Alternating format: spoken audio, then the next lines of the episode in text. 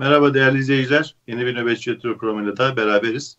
E, gündemde öne çıkan e, konuları ele almaya çalışacağız vakit el verdiğince. E, her zaman olduğu gibi e, Mehmet Efe Çaman Hoca ile siyaset bilimci beraber gündeme ele alacağız. Hocam hoş geldiniz. Nasılsınız? Hoş bulduk Hamit Bey. Teşekkür ederim. İyiyim. Siz nasılsınız? Çok sağ olun. Teşekkür ederim. E, Kanada'ya kar yağmamış. E, Aralık geliyor. Hayırdır? Ya, en azından bizim bulunduğumuz bölgeye çok fazla kar yağmıyor bu sene. İşte küresel iklim faciası üzerinde daha fazla düşünmemiz gerekiyor herhalde. Evet, e, çarpıcı. E, hocam güzel bir haberle e, birçok zaten olumsuz haber paylaşacağız. Nadir iyi haberler oluyor. Onu hemen e, izleyicilerimizle paylaşarak başlamak istiyorum.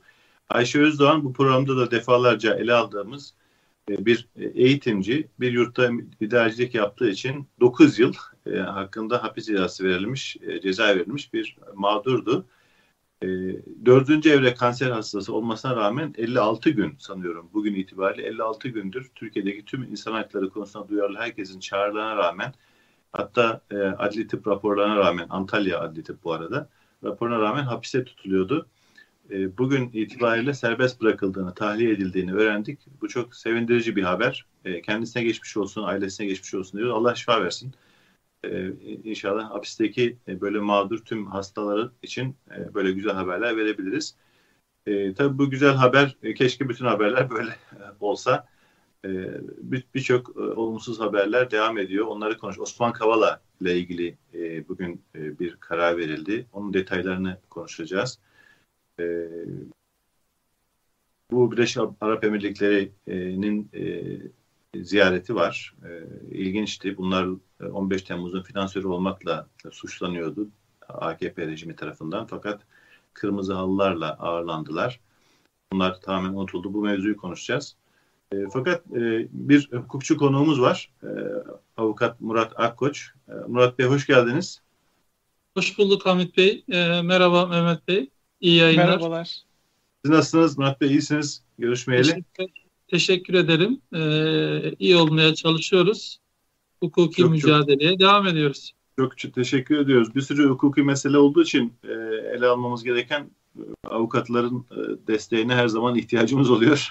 Bunları düzgün, sağlıklı yorumlayabilmek için çok sağ olun kabul ettiğiniz için programa katılmayı. Rica ederim. Bugün e, biz birçok konuda özellikle sosyal medyadaki paylaşımlarınızı yakından takip ediyorum. Elden geldiğince paylaşmaya çalışıyorum. Bazen ihmal ediyor olabiliriz bu arada. Ee, yani Türkiye'deki e, insan hakları dramı bitmek bilmiyor. Ee, onun e, en önemli gerekçelerinden birini siz yok yakından takip ediyorsunuz. Bu Baylak denen e, bir e, internet e, haberleşme uygulaması, bir app e, o e, on binlerce desek herhalde yanlış olmaz değil mi? On binlerce insanın e, terör örgütü üyesi e, olmasına delil olarak e, gösterildi. Hala da e, herhalde bayrak kullandığı gerekçesiyle hapiste olan e, binlerce, on binlerce insan var. Siz bu konuyu yakından takip ediyorsunuz. Fakat ilginç bir gelişme oldu. Bu e, e, baylakı e, geliştiren e, kişi e, eski adıyla Alparslan Demir, e, David Keynes ismini sonradan almış e, Türkiye'de e, Amerika'da e, yaşıyordu bu vatandaş. Amerika devleti aleyhine de, Amerika devletine de e, mahkeme açtı. Yani Amerikan mahkemelerinde Türkiye aleyhine dava açmıştı. Benim e, yaptığım bir e, internet çalışmasında bir epi nasıl böyle bir e, hukuksuzluğa vesile yaparsınız diye. E, fakat ilginç bir şekilde birden bir baktık e, Türkiye'de ortaya çıktı bu kişi. E, herhalde hakkında 15 yıl falan ceza e, isteniyordu. E, sonra bu ay herhalde birkaç hafta önce e, serbest bırakıldı. E, ve e, bununla ilgili e, ilginç tespitleriniz var sizin. E, bu e, David Keynes muhtemelen işbirliği yapmış görünüyor. Yani onun yapmış olduğu işbirliği e, baylakla ilgili bir sürü mağdur e, konusunda olumsuz bir gelişme mi olacak? E, özellikle Avrupa İnsan Hakları Mahkemesi'nde, uluslararası e, işte Birleşmiş Milletler e, nezdinde vesaire e, onun yapmış olduğu beyanatlar veya da itiraflar, işbirliği e, bu süreci nasıl etkileyecek? E, bununla ilgili bir değerlendirme istiyoruz sizden e, Murat Bey. Evet, e, David Keynes, e, Baylok akıllı telefon uygulamasının sahibi ve lisans sahibi kendisi ve şu anda Baylok delili akıl bir akıllı telefon uygulamasını uyguladığın e, yüklediğini kullandığı iddia edilen e, 99 bin kişi hakkında Türkiye'de yargılama devam etmektedir. E, ve soruşturma ve e, kovuşturmaya konu yapılmaktadır bu e, akıllı telefon uygulaması. E, ve bu e, akıllı telefon uygulaması ile ilgili yargılama süreçleri Türk iç hukukta bitti ve şu anda e, esasa ilişkin Avrupa İnsan Hakları Mahkemesi karar verecek.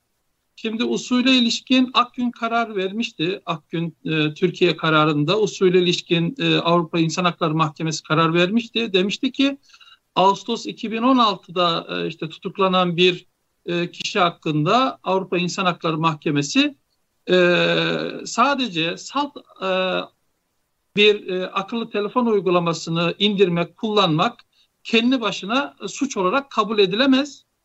Ancak dedi orada e, ahim eğer bu e, herhangi bir akıllı telefon uygulaması bir suç örgütü veya silahlı terör örgütü tarafından münhasıran kullanılıyorsa bu soruşturma, kovuşturma e, yapılabilir e, diye bir usule dair karar verdi. Şimdi e, 99 bin e, Baylok akıllı telefon uygulamasını kullandığı iddiasıyla yargılanan kişiler ve Türk Devleti ahimde bir karar bekliyor esasa ilişkin. Şimdi bu akıllı telefon uygulaması e, münhasıran e, cemaat üyelerinin kullandığı bir uygulama mı? Yani bu bir soruşturma koğuşturmaya e, otomatik olarak e, konu yapılabilir mi? E, tabii hükme esas alınması ayrı bir konu. Ama münhasır olduğu zaman e, bunun Avrupa'da da örneklerini gördük. E, bu e, soruşturma koğuşturmaya resen konu yapılabilir. E, delil varsa da eğer içeriye dair e, delil varsa da tutuklama konusu yapılabilir. Şimdi Türk Devleti diyordu ki bu sadece e, cemaat üyelerinin kullandığı bir akıllı telefon uygulamasıdır. Münhasır bir uygulamadır ve bu yüzden benim yapmış olduğum soruşturma ve kovuşturmalar ve tutuklamaların hepsi hukukidir. Çünkü ahimin de böyle kararları var e, diyordu ve e, bunun içinde Türkiye'de e, kendi yandaş bilirkişilere raporlar düzenlendi, düzenletti ve şeye verdi. E, Avrupa İnsan Hakları Mahkemesi'ne raporları sundu. E, bu da bu tarafta mağdurların avukatları olarak bizler de hem uluslararası İngiltere'de, Amerika'da, Hollanda'da dünyaca tanınmış, e, hukuk otoriteleri tarafından tanınmış e, adli tıp e, uzmanları tarafından e, bizler de rapor alıp dosyalara koyduk ve bu uygulamanın ticari bir uygulama olduğunu, e, aynı zamanda e, münhasır bir uygulama olmadığını, herkese açık bir uygulama olduğunu, App Store ve Google Play'de bunların e, herkes tarafından rahatlıkla indirilebilen bir program olduğunu biz de karşı raporlarla e, dosyalara sunduk veya diğer mağdurlar da kendi raporlarını koyarak sundular. Ama e, beklenmeyen bir gelişme oldu bu arada. E, Baylok akıllı telefon uygulamasının e, sahibi, lisans sahibi e, gitti Türkiye'ye e, savcılıkla da anlaşarak, Türk hükümetiyle de işbirliği halinde e, anlaşarak e, tam bu Avrupa İnsan Hakları Mahkemesi'nin esasa ilişkin vereceği karar öncesinde e, ve münhasırlık gibi önemli bir konunun e, tartışıldığı bir e, ve Avrupa İnsan Hakları Mahkemesi'nin önünde olduğu bir zamanda e, David Keynes e, işte daha önce Türk vatandaşı aslında hem Türk vatandaşı hem Amerikan vatandaşı olan Alpaslan Demir e, şeye gitti, e, Türkiye'ye gitti Haziran ayında tutuklandı, etkin pişmanlıkta yararlandı e, ve dedi ki e, bu uygulamayı ben cemaatin talimatıyla, emir ve talimatıyla e, kurdum e, ve bunun e, şeyi e, yapımcısı, e, bunu yazan, yazılımcısı da Atalay Can denen bir kişidir. E, aslında ben burada hiçbir şeyim. Cemaat kendisi bu uygulamayı finanse etti. Kendisi e, Atalay Candeler'in üzerinden e, bu yazılımı yaptı. Ben sadece aslında e, aslında mahkemede de şöyle ilginç bir ifade kullandı. Ya dedi şirketteki çaycı gibi düşünün. Hani eskide dolandırıcılık yapan şirketler e, çaycılar üzerine şirketler kurardı biliyorsunuz kişiler. İşte dedi ben e, burada aslında şirkette bir çaycıyım. E, benim sadece kredi kartım kullanılmış. Ben de dolandırıldım. E, bir sahtekarlıkla karşı karşıya kaldım. Hiç haberim yoktu. E, ve e, bunu cemaatin bir uygulamasıdır. Atay, Atalay Can denen kişi e, yazılımı yaptı. Cemaat bunu sadece cemaatçiler kullandı. E, ve ben de burada mağdurum deyip gitti etkin pişmanlıkla yararlandı. Bu tabii ee, yani Türkiye'nin tezleri Erdoğan rejiminin tezleri açısından e, epey bir sevindirici bir gelişme. Çok Ama sevindirici. bunun bunun e, hukuk açısından e, özellikle Amerika'da, Avrupa'da, Avrupa İnsan Hakları Mahkemesi'nde e, bu kişinin böyle 180 derece dönüş yaparak e, dün söylediklerinin tam tersini söylemiş olması e, acaba ciddi alınacak mı? Yani asıl mesele bu herhalde. Şimdi işte dün söylediklerini bilmiyorduk biz. Ee, sadece Türkiye'de söylediklerini e, biliyorduk. Mahkeme ifadelerini biliyorduk ve bu kişi Haziran ayında 20 2021'in Haziran'da Türkiye'ye gitti ve 6 Ekim tarihli duruşmada da tahliye oldu. Kendisine etkin pişmanlıkta verdiği e, ifadelere tahliye oldu. Şimdi David Keynes denilen kişi e, ahlaklı davranmamıştır. Neden ahlaklı davranmamıştır? Sadece kendisini kurtarmak için 99 bin kişiyi e, yakacak, 99 bin kişinin aldığı cezaları meşrulaştıracak ahlaksız bir e, harekete girişmiştir. Kendi durumunu hafifleştirirken 99 bin kişinin ceza almasını, cezaevlerinde e, sürülmesini e, sağlayacak öyle bir e, ahlaki değeri taşımadığını biz verdiği ifadelerden görüyoruz. E, sadece kendisini kurtarmak için böyle e, doğru olmayan ifadeleri Amerika'daki açmış olduğu yargılamada davada gördük. Çünkü kendi ifadesinde diyordu ki ya ben aslında Amerika'da bir Türk devletine karşı dava açtım 2018 yılında ee, ve e, ben aslında devletin dikkatini çekmek için açtım. E, devletin bu akıllı telefon uygulamasına yapmış olduğu tüm işlemleri de ben kabul ediyorum e, dedi. Şimdi ikinci daha da önemli bir şey söyledi. Ben 1997'den itibaren cemaatten yavaş yavaş uzaklaştım. 17-25-2013 tarihinden sonra ise tamamen e, e, bir silahlı terör örgütü olarak gördüm ve 2013 yılından sonra e, hiçbir şekilde alakam kalmamıştır diye yine Türkiye'deki e, Haziran 2021'de ifade verdi. Şimdi o ifadesini biz avukatlar olarak incelediğimizde Amerika'daki davadan bahsedince evet böyle bir davadan haberimiz vardı ama e, davanın mahiyetini içeride ne söylediklerini bilmiyorduk. Amerika'daki meslektaşlarımızla e, bu aşmış olduğu davaya ulaşmaya çalıştık.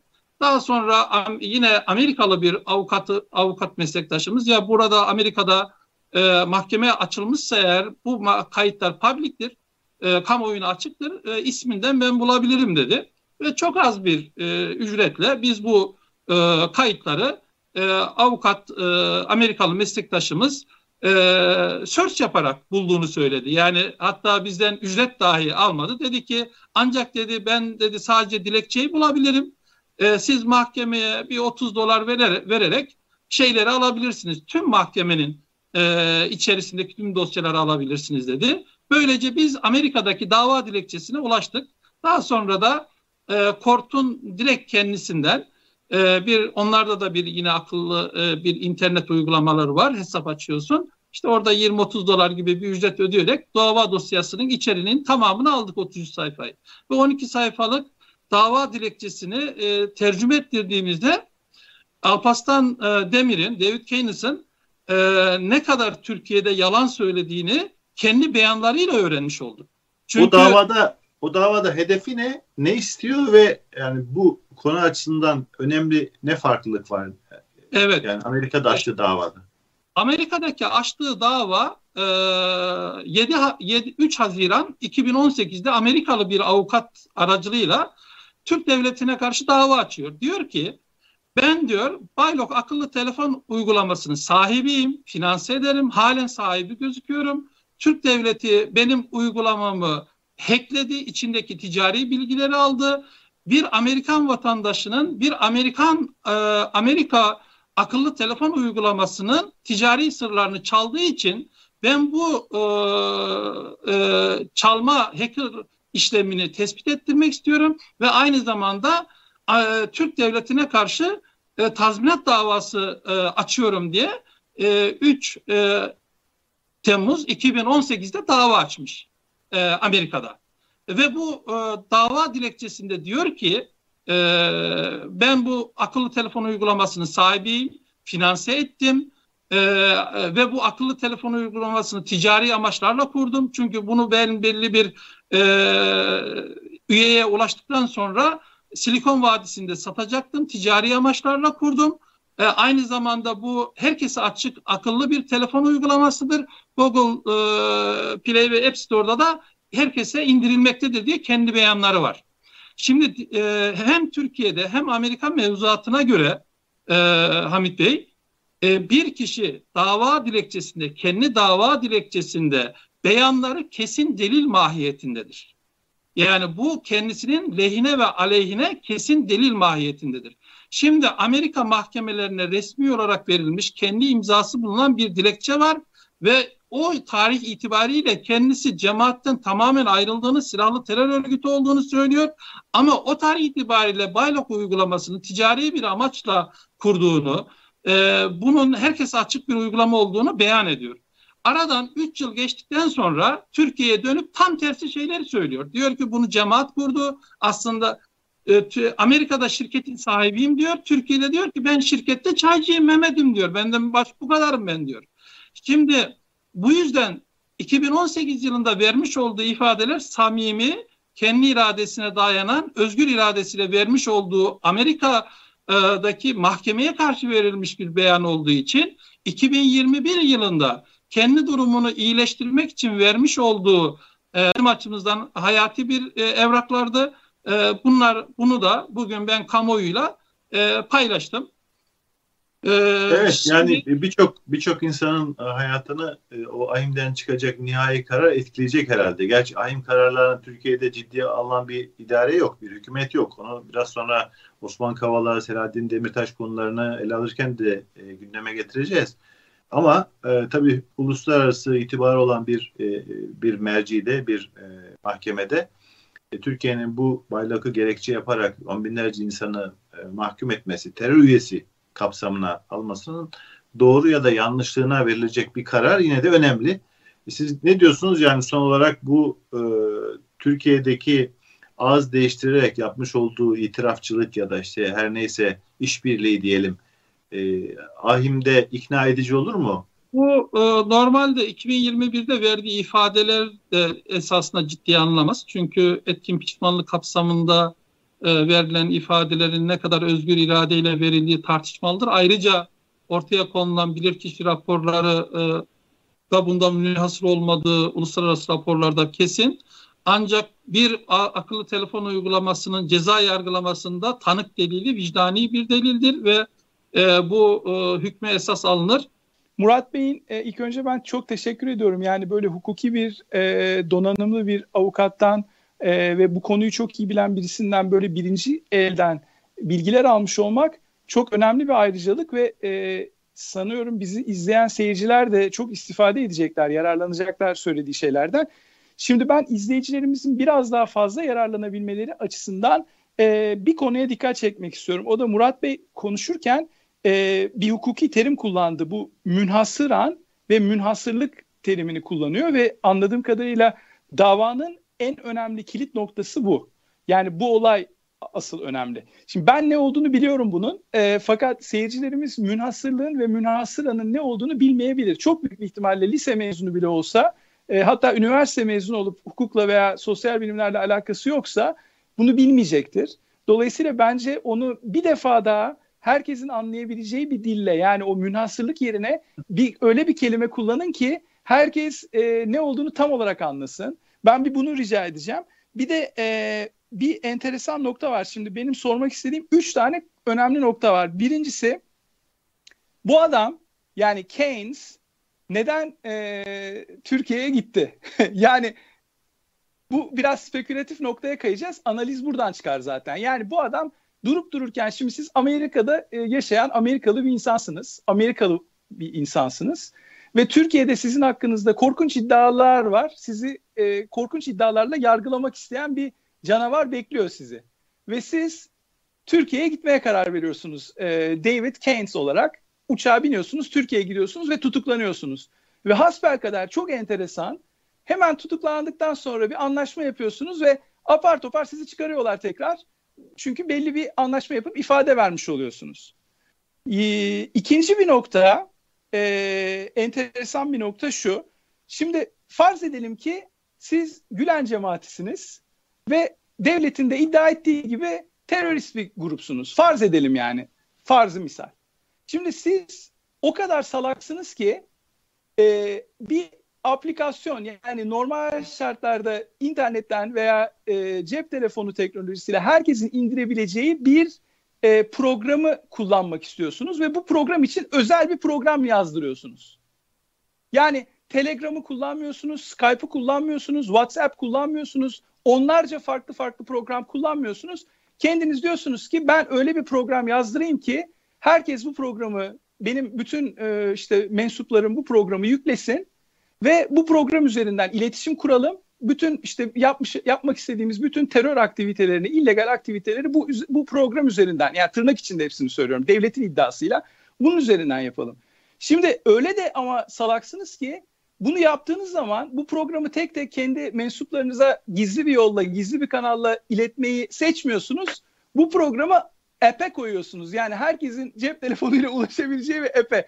Ve diyorsunuz ki gel beni ensele. Yani ben e, kendim bak sana ne güzel liste oluşturdum. Bu programı kim kullanıyorsa sen de bu gülencidir der. içeri alırsın daha sonra. Harika bir olay yaptım diyorsunuz yani. Şimdi bu ikinci nokta. Ya bu nasıl bir perizdir, nasıl bir lahana turşusudur? Hani en ufak bir Sherlock Holmes kitabı okumuş olan ya da Agatha Christie okumuş olan böyle yani boyalı bir e, edebiyattan bir kitap okumuş olan bile illa komiser olmanıza, polis olmanıza, zeki bir insan olmanıza gerek yok. Yani bunları alt alta koyduğunuz zaman bu nasıl bir kumpastır? Aslında çok net bir şekilde ortada. Anlatabiliyor muyum? Şimdi bir nokta daha var. Onu okumaya çalışıyorum. Kendi el yazımı oku okuyamıyorum şu anda. Ee, ha, şimdi şöyle e, bir burada bir enteresan bir anlaşma olduğu anlaşılıyor. Yani bu Keynes'le ve devletin yapmış olduğu bir anlaşma olduğu anlaşılıyor. Bence bu anlaşmanın var olduğunu ve bu anlaşmanın çok etik bir anlaşma olmadığını Avrupa İnsan Hakları Mahkemesi'nin e, ga- gayet rahatlıkla anlayabileceğini düşünüyorum. O da sizin işte Murat Bey'in söylediği gibi daha önceden e, Amerika'da vermiş olduğu yazılı beyanla Türkiye'de vermiş olduğu yazılı beyanın birbiriyle 180 derecelik bir çelişki içinde olduğunu görüyoruz. Şimdi böyle bir durumda ne olur? Hani karakolda doğru söyler, mahkemede şaşar derler mahalle dilinde insanlar. Böyle karakolda doğru söyleyip mahkemede şaşan adamların ifadesine de güven olmaz yani. Bu dünyada hukukun işlediği hiçbir mahkemede, hukukun işlediği bir ülkedeki hiçbir mahkemede böyle bir adamın vermiş olduğu iki farklı çelişkili e, beyanın söz konusu olduğu bir noktada bu adamın sözüne itibar edilerek 90 bin, 99 bin, 100 bin insanın içeride kalmaya devam etmesi yönünde bir karar alınmaz diye ümit ediyorum ben. Eğer Avrupa İnsan Hakları Mahkemesi Türkiye'nin tamamen güdümüne girmemişse. Yani ben o yüzden Murat Bey şunu rica edeceğim. Birincisi bu münhasırlık konusunu bir izah edebilirseniz hepimizin anlayacağı dille. İkincisi çünkü o çok kilit. İkincisi de bu üç noktada bir bize bir aydınlatıcı e, beyanatta bulunabilirseniz ben çok memnun olurum. Ee, rica ederim. E, münhasır e, sadece e, bir grubun, bir e, hareketin, e, bir bu legal, illegal bir grup olabilir. E, kullanmış olduğu uygulama anlayabiliriz. Şimdi bunun ceza hukukunda ben bir ceza avukatı olduğum için karşılığı şudur. Şimdi bu teknolojinin gelişmesiyle birlikte hem suç örgütleri, kriminal suç örgütleri e, hem de silahlı terör örgütleri, El-Kaide gibi e, silahlı terör örgütleri, e, çeşitli e, silahlı terör örgütleri kendi e, yazılımcılarıyla kendi iç e, sadece kendileri üyelerini kullandığı e, uygulama yaptılar. Mesela uyuşturucu ticaretiyle Murat uğra- Bey özür dilerim sözünüzü keseceğim. El-Kaide veya El-Şebab veya e, İRA veya başka terör örgütleri bu kendi uygulamalarını e, cep telefonlarının e, app e, dükkanına koyuyorlar mı? Ben onu çok merak Hayır, ettim yok. bir kullanıcı olarak. Yok, yok o sorular... O, o zaman o zaman bitti zaten. O zaman bundan sonrasının hiçbir kıymeti var yok galiba değil mi? Yani şimdi ya siz kıymeti... mesela bir terör örgütü diyelim ki siz bir terör örgütü kuruyorsunuz ve o kadar dahisiniz ki benim kullanacağım gizli yani e, enkripte edecek kadar gizli olan bir programı siz herkesin ulaşacağı yani Japonya'da da Afrika'da da işte ne bileyim Kazakistan'da da Kanada'da da insanların rahatlıkla ulaşabileceği bir program haline getiriyorsunuz. Yani zannediyorum böyle bir e, herhalde böyle bir şeyin olmayacağını dünyadaki en geri zekalı insan bile anlayabilecek konumdadır tahmin evet. ediyorum yani şeye şimdi tabii iki değerli gazeteci ve e, Mehmet Bey gibi akademisyen karşısında bir hukukçu olarak mahcup oluyorum. Yani şu açıdan mahcup oluyorum. Ülkemizin e, hukuktaki geldiği nokta itibariyle. E, Mehmet Bey daha vahim şey var. Şimdi biz 99 bin kişi akıllı telefon uygulamasını kullandığı iddiasıyla yargılandığını söylüyoruz. Türkiye'de yargılanıyor. Evet. Halen Bylock serverı olduğu iddia edilen serverı e, Milli İstihbarat Teşkilatı ve Ankara Cumhuriyet Başsavcılığından başka gören yok. Biz görmedik. 250 Ağır Ceza Mahkemesi'ne Bylock serverı olduğu iddia ettikleri serverı delili e, Ağır Ceza Mahkemesi'ne Ankara Cumhuriyet Baş, Başsavcılığı görme, göndermediği ve adli e, adli emanette 5 yıldır saklıyor ve MIT'ten başkası da görmedi. Yani biz ortada bir Baylok serverı olup olmadığını da bilmiyoruz. Bizim 99 bin mağdur ve benim 18 müvekkilim cezaevinde müebbet alarak zindanlarda, hücrelerde yatan müvekkillerim kendi aleyhine delilleri görmedi ve fotokopi evraklarla 99 bin kişi yargılanıyor Türkiye'de. Aymin en başta şunu sorması lazım.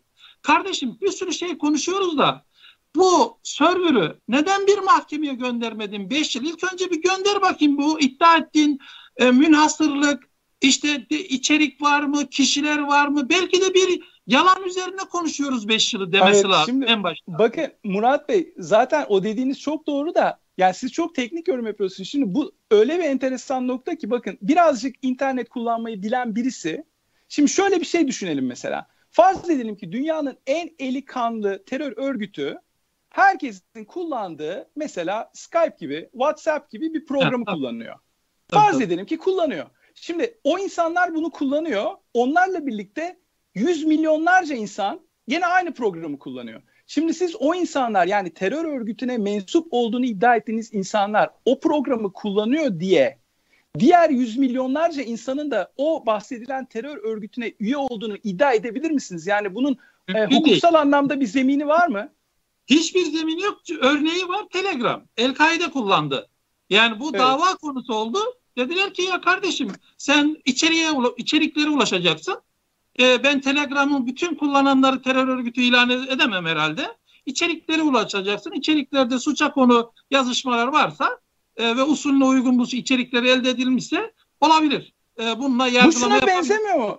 Murat Bey bu şuna benzemiyor mu? Mesela diyelim ki siz bir terör örgütü üyesisiniz Belediye otobüsüne biniyorsunuz. Belediye otobüsüyle mesela 5 durak seyahat ediyorsunuz. Ve ondan sonra da o seyahat ettiğiniz yerden sonra da bir e- eylem yapıyorsunuz mesela. Yani terörle ilgili bir eylem. Şimdi siz aynı belediye otobüsündeki sizinle beraber seyahat etmiş olan bütün yolcuların e, terör örgütü olduğunu iddia edebilir misiniz bir hukuk merci olarak? Şimdi yani... Türkiye'dekilerini siz bize Türkiye'deki uygulamaları hukuken yorumlatırsanız e, hukuken izahı yok. Çünkü Türkiye 5 yıldır, 5,5 yıldır hukuku e, çöp attı ve bu hukuku çöp attığı yerden de hepimiz gazeteciler, akademisyenler, avukatlar e, çünkü bir mağduriyet hak, mağduriyete uğrayanlar, bir haksızlığa uğrayanlar üç yolu tercih edebilir. Ya silahlanıp dağa çıkar, e, ya pasif direnişte bulunur, hiçbir şey yapmaz ya da e, me, bütün argümanlarını kullanarak e, e, hukuki mücadelesini yapar. Ben bir avukat olarak 5 yıldır bunun hukuki mücadele yapılmasını gerektiğini söylüyorum. Ve Türkiye ahim kararı biraz önce Hamit Bey dedi ki ahimi hiçbir uygulamıyor. Ee, bizim açımızdan avukatlar açısından hiç önemli değil. Biz haklılığımızı tıpkı Birleşmiş Milletler İnsan Hakları Komitesi'nde, çalışma gruplarında ve komitelerde aldığımız hak ihlalleri kararları gibi ahimden de hak ihlalleri kararları bekliyoruz arkadaşım. Ya biz a, a, haklıyız bizim e, hukuksuzlukları 1,5 milyon, 1 milyon 576 bin kişiye e, siyasi motivasyonlu yapılan terör yargılamalarının haksızlığını bir uluslararası mahkemenin tescil etmesini istiyoruz. İnfazını biz yaparız. Ta onun tahsilatını biz yaparız, infazını yaparız. Ama Avrupa evet. İnsan Hakları Mahkemesi e, burada hak ihlali, Baylok 99 bin, Bankasya'da 93 bin e, bu hak ihlalleri kararlarını vermesi lazım. E, kendisini inkar etmeyecekse. Evet süre bakımından biraz uzadı. Ama biz şuna da bakıyoruz ki şunu da ifade etmek isterim. Türkiye'de Kürtler için 1987'de başlayan süreç 1996, 97, 98 tarihlerinde hak ihlalleri kararları çıkmıştır. Yine Rumlar Kıbrıs'ta e, Türkiye Avrupa bir Avrupa Ekonomik Topluluğuna e, üye olduğu zaman ve e, bu mahkeme süreçlerini kabul ettiği zaman Kıbrıs'la ilgili mülkiyet hak ihlallerinde 10 yılı bulmuştur. Yani o yüzden şu anda bizim 2016'da başlayan ve 2021'e geldiğimiz süreç AYM'in kendi sistematiği içerisinde olağan bir süreç. Biz avukatlar olarak 1 milyon 576 bin kişinin tüm hukuksuzluklarını bir mahkeme kaydına geçirmek istiyoruz. Hani uygulayıp uygulanmaması, tazmin edilmesi bizim açımızdan çok tali bir mesele. Mesele benim evet. cezaevindeki müvekkillerimin e, hukuksuz bir şekilde e, yargılamaya tabi olduğunu, hukuksuz bir şekilde e, cezaevinde yattıklarının hak ihlali olarak tespiti bizim açımızdan en derece en önemli mühimdir. Burada da e, David Keynes ve Türk hükümeti bu Amerika'daki davayı ve beyanları bilmesine rağmen e, hukuku katlederek ahlaksızca bir duruşla 99 bin kişiyi hükümlü hale getirebilmek için yaptıkları hukuksuzlukları meşru hale getirmek için Avrupa İnsan Hakları Mahkemesi'ni kandırmaya çalışmışlardır. Ve biz de bunu bir hukukçular olarak e, Avrupa İnsan Hak, e, e, e, Avrupa İnsan Hakları Mahkemesi'ne Amerika'daki mahkeme kayıtlarını sunarak bu hukuksuzluğun önüne geçmeye çalıştık ve çalışmaya devam edeceğiz. Evet, e, çok teşekkür ediyoruz Murat Bey. E, yalnız bugünün sıcak gündemi olduğu için e, Osman Kavala konusuna da değinmeden geçmeyelim. Ben e, Efe Hoca haklı olarak Türkiye'deki hukukun absürtlüğüne, yoldan çıkmışlığına e, gülerek e, değerlendirme yapıyor. Şimdi bir buçuk milyon insan oldu yani sadece bu bile terör soruşturması bir buçuk milyonluk terör örgütü dünyada var mı yani böyle bir şey? Yani ikincisi ya bu e, yani birçok teknik konu var. İşte serverından ne bileyim kim tarafından e, yazıldığına, münhasır olup olmadığına dair. Fakat yani bir şey e, geriye doğru suç ilan edilerek onu daha önce kullanan insanlar meşru iken, legal için kullanan insanlar suçlu ilan edilebilir mi? Yani çok temel çok temel soruların cevabı yok. Yani mesela bugün WhatsApp meşru bir uygulama değil mi? Türkiye devleti karar veriyor. Diyor ki WhatsApp e, yasakladım. E tabi siz 2021'de yasakladınız. 2021 Kasım'da yasakladınız. E ondan önce kullanan zavallıların hali ne olacak? Yani böyle bir şey olabilir mi? Diyelim ki kullanmışlar. Diyelim ki kullanmışlar.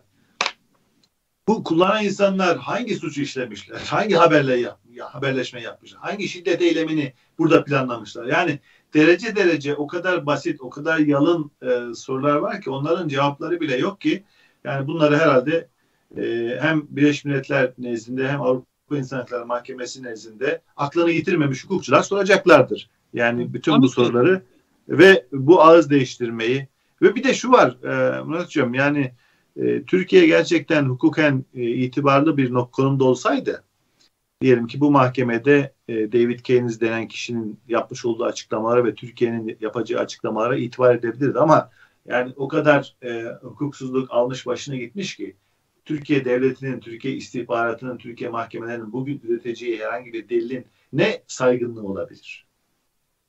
Evet. E, Hamit Bey şunu gözden kaçırmayalım. Şu anda 15 Temmuz 2016 darbe e, e, girişiminden sonra 15 Temmuz olayından sonra diyelim şimdi onu daha şey olur 15 Temmuz olayından sonra Türkiye'de bizim müvekkillerimiz yargılanmıyor. Biz yargılanmak istiyoruz zaten. Müvekkillerimiz yargılanmak istiyor. Sorunumuz yargılanmak değil, yargılanmamak. Ve Türkiye'deki tüm yargılamalar şu anki Türkiye Cumhuriyeti'nin e, anayasanın 10. maddesine aykırı bir şekilde yapılıyor. Ceza yargılamasının konusu kişi değildir, fiildir. Suça konu fiilleri yani. yargılar ceza yargılaması. E, ve bizim anayasanın 10. maddesi der ki e, Türkiye Cumhuriyeti'nde hiç kimse inancından, ırkından, mezhebinden dolayı kimse yargılanamaz. Ama Türkiye'de bir son bir buçuk milyondur aidiyet yargılaması yapılıyor. Sorun burada. Anayasaya aykırı ve soykırım diyebileceğimiz bir yargılama yapılıyor ve bu yargılamayı yapabilmek için de suç uyduruluyor. Biz biz avukatlar müvekkillerimizin yargılanmasını istiyoruz. Burada Türk Ceza evet. Kanunu, Ceza Muhakemeleri Kanunu ve cari olan anayasa, anayasanın uygulanmasını istiyoruz. Mesele yargılanamıyor, yargılanamıyoruz. Yargılama yapılmıyor. Evet. Ve burada bir ifade, şunu ifade etmek istiyorum. Ee, Türkiye'deki e, biz bu e, hakim savcılar şu anki 15 Temmuz sonrasındaki terör yargılamasını yapan hakim savcılar bugün siyasi hükümetten siyasi e, iktidardan e, daha ağır suçludur. Çünkü buradaki e, siyasi tetikçiliği yapan, siyasi cübbeli militanlığı yapan hakim savcılardır ve Türk milleti adına e, karar verdiğini söylüyor ve burada eğer bir gün Türkiye normalleşirse e, siyasi iktidardan önce bir hukukçu olarak ben derim ki bu hakim savcıları yargılayacaksınız. Çünkü hukuku açıkça uygulamayan, katleden bu kişiler. Evet. E, o günleri de görürüz diye ümit ediyorum. E, Murat Bey çok teşekkür ediyorum. E, vakit ayırdınız. E, çok sağ olun. Ben teşekkür ediyorum. İyi yayınlar. Çok, te- çok teşekkürler Murat Bey. Çok sağ olun. İyi günler. Evet. E, teşekkür ederim. E, Murat Bey e, önemli bir e, kamu hizmeti yapmış. Yani bu e, kişinin ağız değiştiren David Keynes denen kişinin Amerika mahkemelerine ne dediğini, bugün tam tersine söylediği konularda gerçekten neler söylediğini kamuoyuyla paylaşmış oldu. Bence önemli. Avrupa İnsan Hakları Mahkemesi de bunları mutlaka ciddiye alacaktır, değerlendirecektir en azından. Hocam hemen e, gündemi biraz vaktimiz daraldı. Osman Kavala e, çok önemli yani e, Selahattin Demirtaş ve Türkiye'deki birçok mağdurlar gibi e, isimlerden biri. Şimdi bununla ilgili e, olayın önemli olmasının sebeplerinden biri şu. Yani Avrupa İnsan Hakları Mahkemesi defalarca karar verdi. E, tutukluluğuna gerek olmadığına ve tutuksuz, haksız yere hapise tutulduğuna dair Osman Kavala'nın aynı şekilde Selahattin Demirtaş için de ve Türkiye'ye bunları bildirdi. Hatta bunlar yerine getirilmediği için e, Avrupa Konseyi'nin Türkiye'nin de üyesi olduğu bir yapı bu arada Avrupa Konseyi. Oranın Bakanlar e, Komitesi e, 7 kez 7 kez Türkiye'yi uyardı. Yani Avrupa İnsan Hakları Mahkemesi Avrupa Konseyi'nin bir parçası. Avrupa İnsan Hakları Sözleşmesi çerçevesinde kurulmuş bir yapı. Türkiye'de Avrupa İnsan Hakları Mahkemesi'nin yetkisini tanıyan bir ülke anayasasına göre. Şu andaki geçer anayasasına göre. Fakat bu kararları tanımadığı için dediğim gibi Avrupa Konseyi Bakanlar Komitesi 7 kez Türkiye'yi uyardı. En son uyarı Eylül ayında. Ve dediler ki Kasım ayında biz yeni toplantımızı yapacağız. Kasım ayının e, 30'uyla aralığın ikisi arasında toplantılar yapacaklar. O toplantıya kadar Osman Kavala'yı Avrupa İnsan Hakları Mahkemesi'nin kararı çerçevesinde serbest bırakırsanız ne ala. Ama bırakmazsanız sizinle ilgili e, sonu e, Avrupa Konseyi üyelikten çıkarılmaya götürecek bir süreç başlatacağız diye Türkiye'ye resmen tebligatta bulundular ve e, Kavala'nın duruşması vardı. E, bu Gezi davasıyla e, suçlanıyor. Gezi olaylarını tertip etmekle suçlanıyor. Hakkındaki e, suçlamada TCK 328'den biraz baktım e, hakkındaki iddianameye casusluk yapmakta suçlanıyor. Fakat avukatlar ısrarla az önce Murat Bey diyor ya ya biz bu e, müvekkillerimizi terörle suçluyorsunuz. Bunların yaptığı terör eylemlerini bize söylesenize. Yani bu ceza davasıysa adam birisini öldürmüş olması lazım. Veya bir yerde hırsızlık yapmış olması lazım. Yani bir, bir şey var. Bir, bir eylem olması lazım yani. Bankasya'ya para yatırmak, bir yurtta yöneticilik yapmak, bayrak kullanmak. Hiçbirinde şey yok. Yani asıl suç olan işler değil ki. Yapsan ne olur, yapmasan ne olur? Değil mi? Aynı şekilde Osman Kavan avukatlar da soruyor zavallılar. Diyor ki ya buna casusluk yaptığını söylüyorsunuz. Hangi bilgiyi hangi dosyadan nasıl temin etmiş? Buna cevap alamıyorlar. Yani bununla ilgili söylenmiş, iddianameye girmiş bir şey yok. Bugün de aynı şeyler sorulmuş. Yine cevapsız. Fakat e, Türkiye e, yani bu Osman Kavala'yı yargılayan mahkeme bütün Avrupa İnsan Hakları Mahkemesi, Avrupa Konseyi Bakanlar Komitesi'nin uyarına rağmen tahliye etmedi.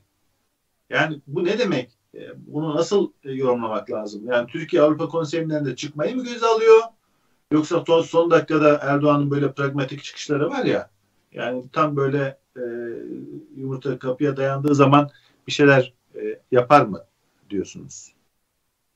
Yani ben şöyle görüyorum e, son 5-6 yılda göstermiş olduğu tırnak içindeki performansla Türkiye zaten e, Avrupa Konseyi üyeliğinden çıkarılması gereken bir ülke.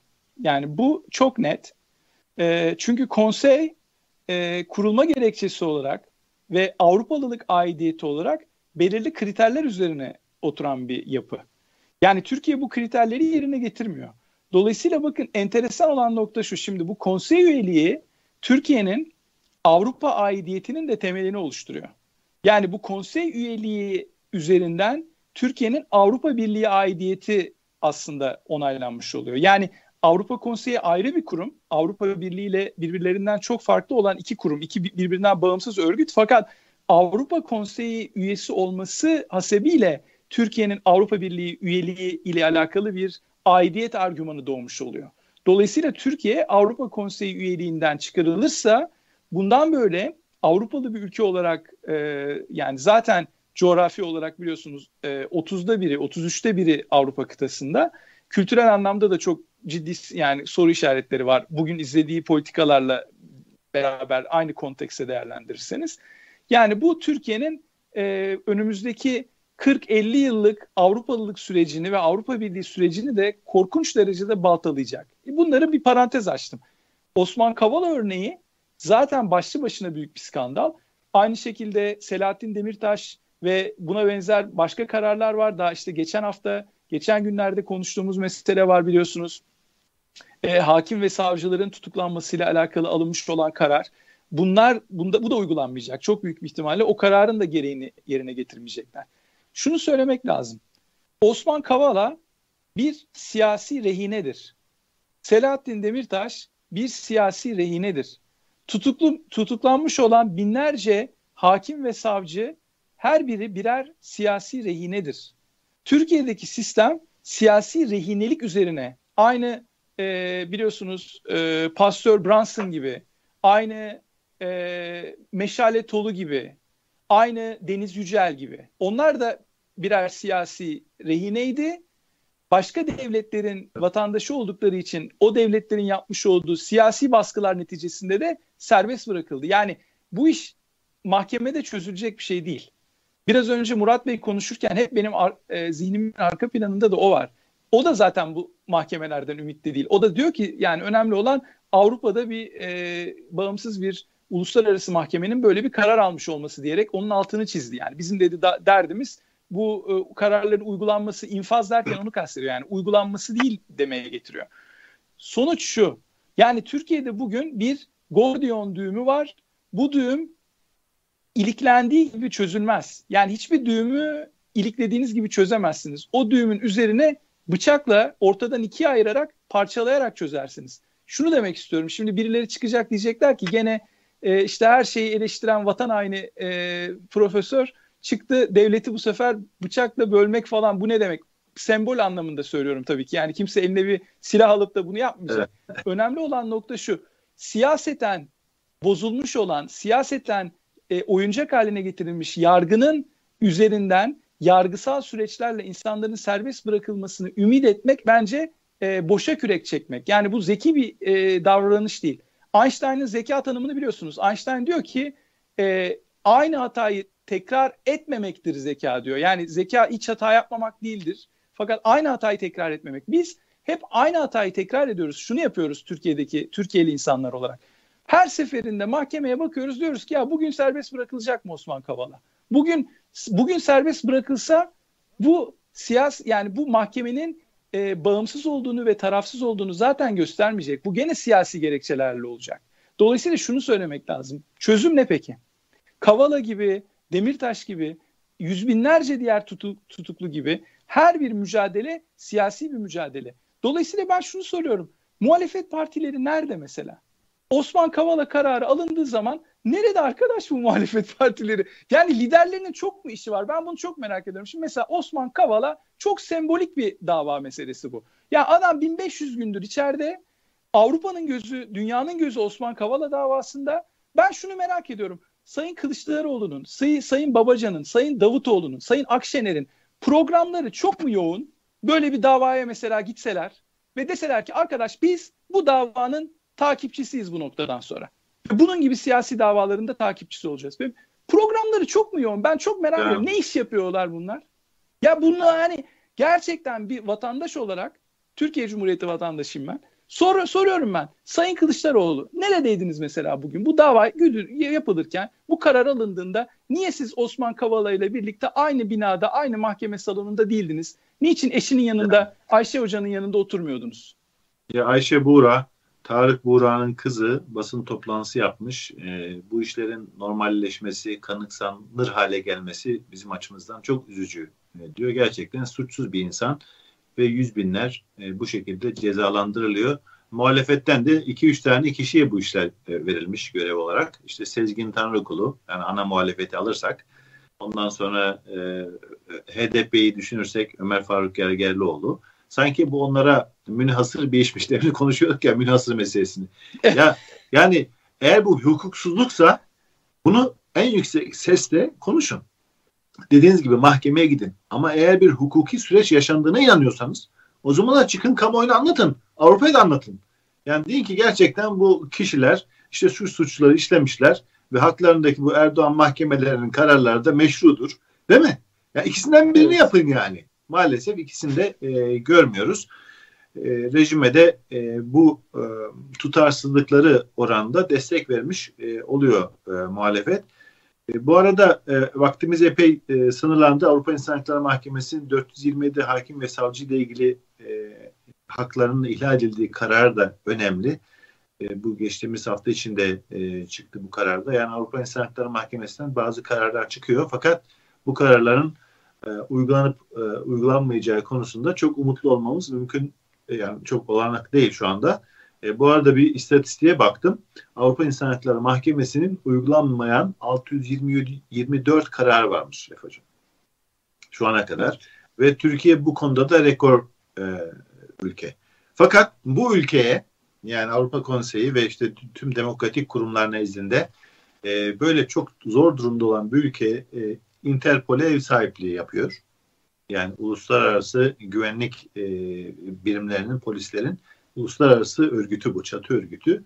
Buna ev sahipliği yapıyor ve Türkiye'den bu mağduriyetlerde de rolü olan e, Selçuk Sevgel diye bir e, polis e, müdürü, bir emniyet müdürü seçiliyor. Bu da bir anormal bir durum değil mi? Ne oluyor hocam? Yani uluslararası e, sistem e, bu kadar yaralı, bu kadar insan hakları sorunu üreten bir ülkeye nasıl kendi yönetiminde e, söz sahibi olma imkanı veriyor? Ve bundan bir şey çıkabilir mi? Yani Interpol'ün daha kötüye kullanılması önümüzdeki dönemde böyle bir beklentiniz var mı?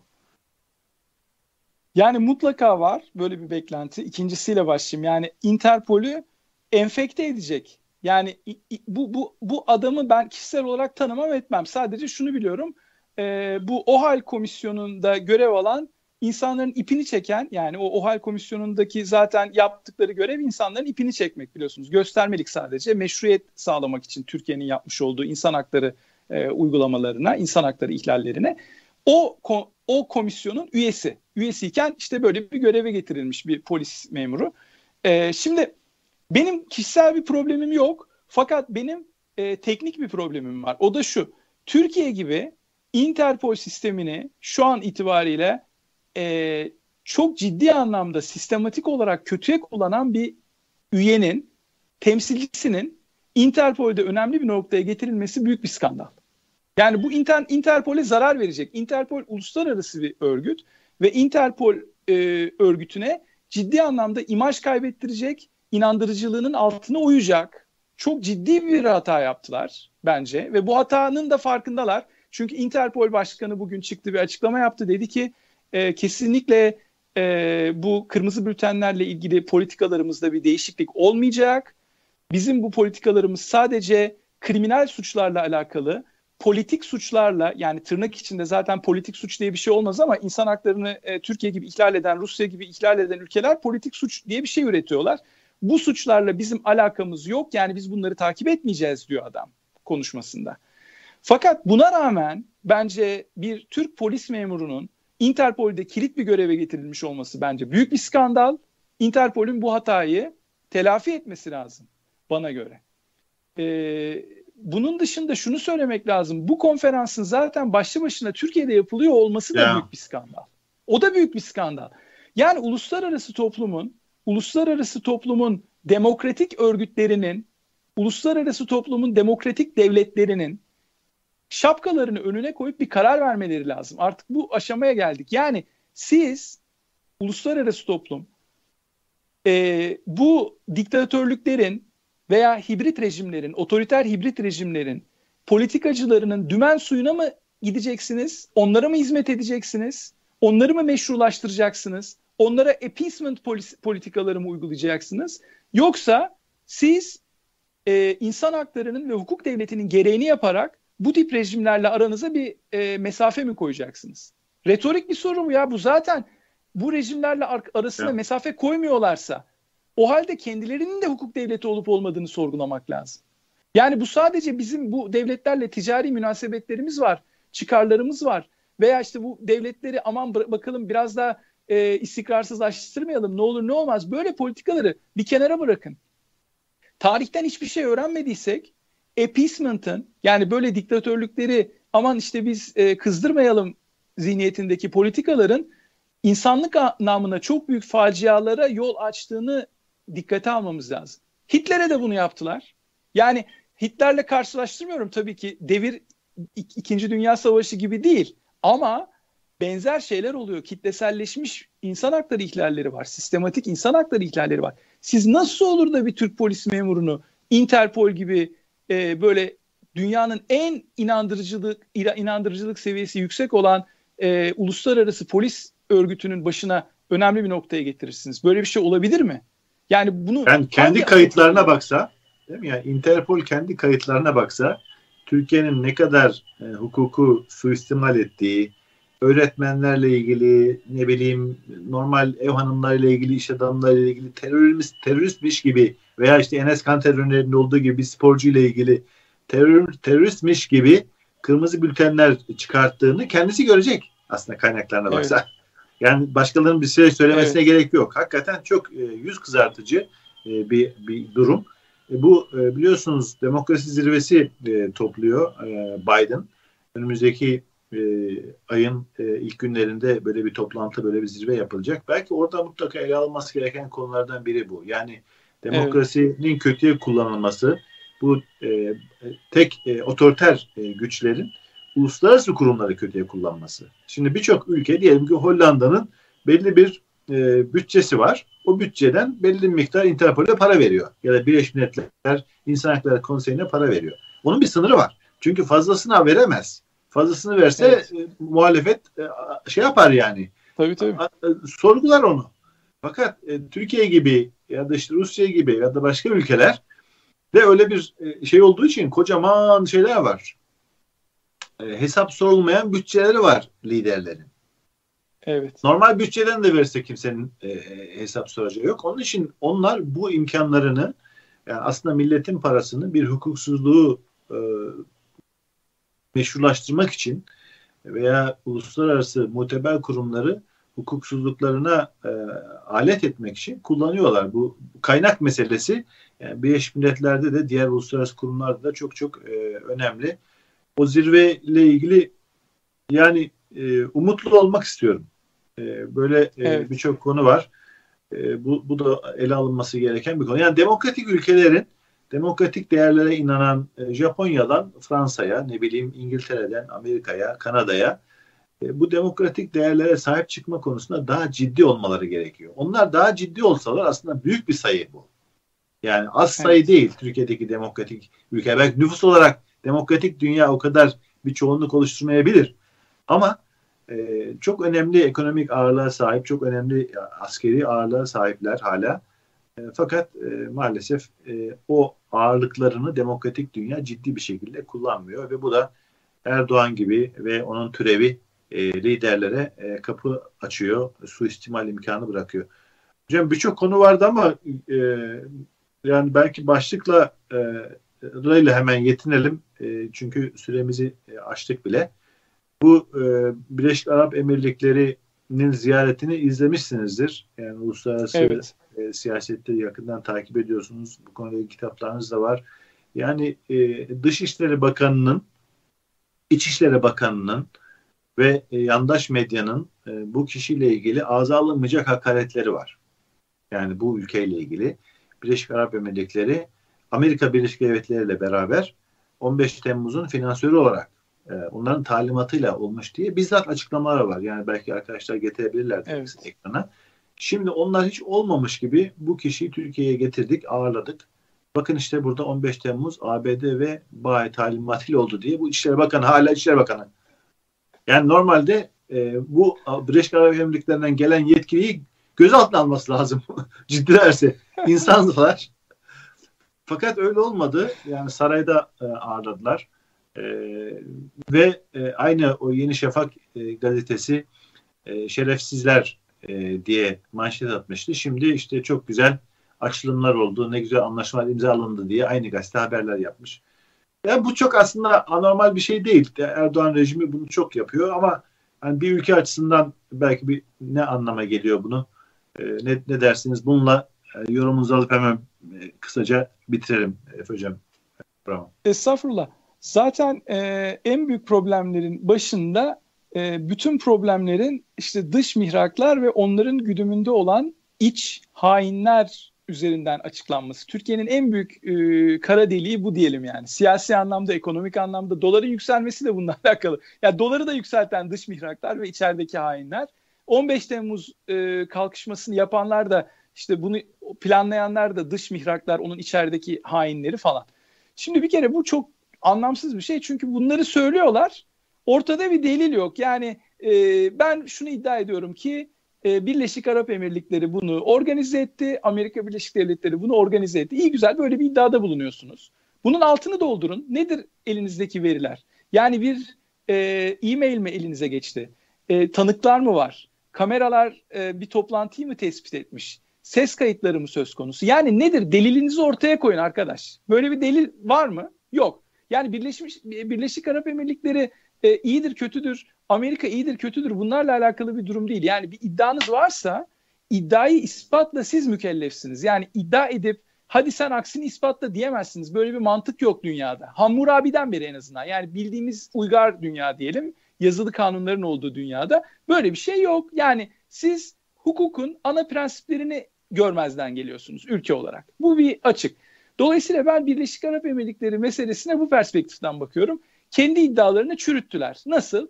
Birleşik Arap Emirlikleri e, 15 Temmuz'un emrini verdi. Finansörü aynı zamanda falan iddiaları yapıyorsunuz. Aradan 5-6 sene geçiyor. 10 milyar dolar için önünde raks yapıyorsunuz Birleşik Arap Emirlikleri yeah. emirinin. Raks ediyorsunuz. Yani adam size, sizin önünüze böyle para atıyor. Ya açık söyleyeyim. Bununla ilgili böyle kulüpler falan var dünyada. Yani Las Vegas'ta, Atlantic City'de, Paris'te falan.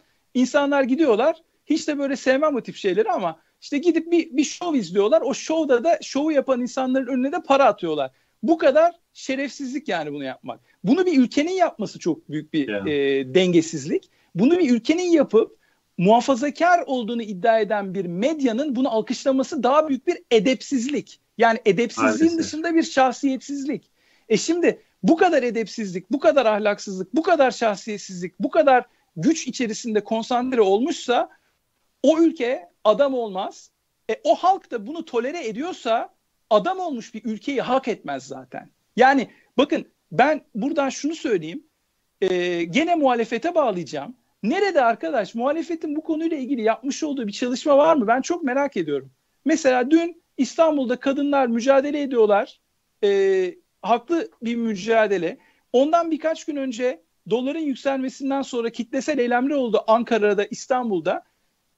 İyi Parti Genel Başkanı Akşener diyor ki sokakta bilmem ne olmaz işte e, evinize geri dönün falan. Ya arkadaş siz aklınızı peynir ekmekle mi yediniz? Siz muhalefet misiniz? Yoksa siz Erdoğan'ın destekçileri veya yelkenleri misiniz Erdoğan gemisinin? Yani Erdoğan gemisine yelken oluyorsunuz siz. Bunu yaparsanız Yo, kendi, Türkiye siz, zaman yani, düzelmez. Yani siz dolar bu kadar almış başını gitmiş, yolsuzluk almış başını gitmiş, işte bir e, mafya lideri e, bütün rezaletlerinizi ortaya seriyor. Hiçbiriyle ilgili kokainden ne bileyim neye kadar hiçbir işlem yapılamıyor.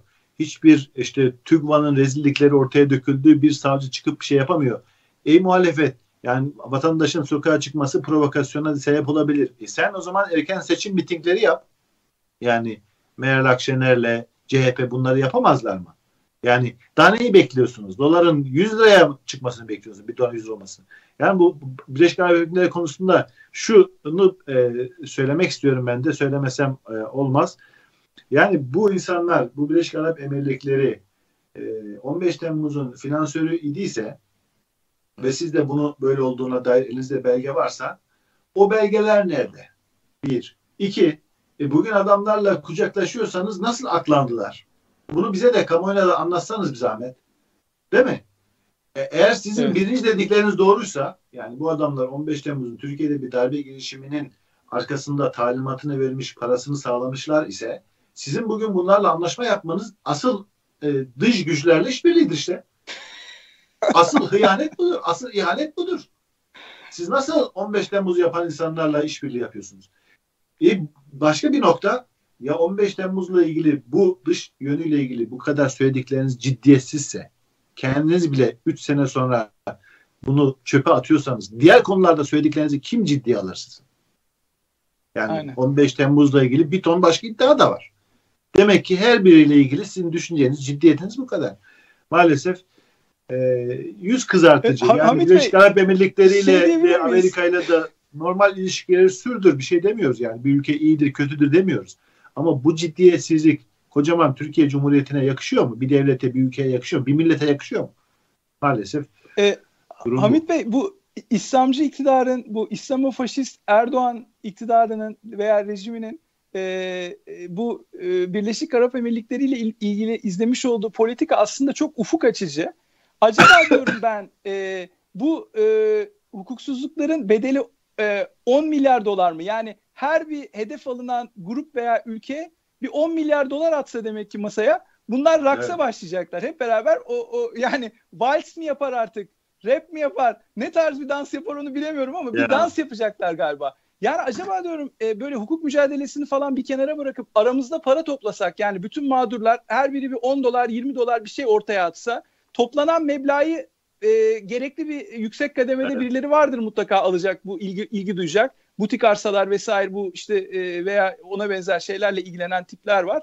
Bunlara deseler yani kapalı kapılar ardında ya bak biz sana verelim gereği neyse sen de gereğini yap artık bırak bu işleri. Hani emekliye mi ayrılıyorsun ne yapıyorsun? Acaba diyorum böyle bir yöntem mi izlemek lazım? Birleşik Arap Emirlikleri'ni takdir etmek lazım. Yani eğer böyle bir şeyse 10 milyar dolara mesela Türkiye'de darbe girişimi yapıp o darbe girişiminden sonra da 10 milyarı ortaya atıp bunları raks ettirip e, böyle resmi törenle karşılanıyorsa çok büyük bir diplomasi zaferi kazanmış Birleşmiş, e, Birleşik Arap Emirlikleri. Bunu söylemek evet. lazım herhalde. Yani 10 milyar doları olan her ülke Türkiye'ye her haltı yapabilir.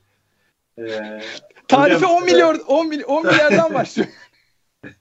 Bu arada ekonomistler de 10 milyar doların hemen geleceğini falan söylemiyorlar. Yani Birleşik Arap Emirlikleri onu böyle tadında Türkiye'deki para e, değer kaybı nedeniyle tüm şirketler iyice değersizleşiyor ya.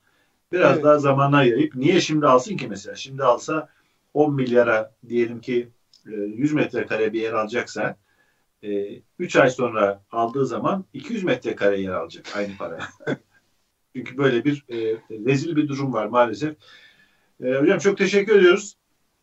Ben çok, çok teşekkürler. Teşekkür Değerli izleyiciler sizlere de çok teşekkür ediyoruz. Vaktimizi biraz açtık ama önemli konulara değinmeye çalıştık. Vaktimiz el verdiğince.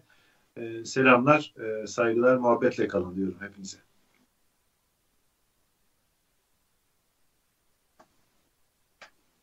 Evet.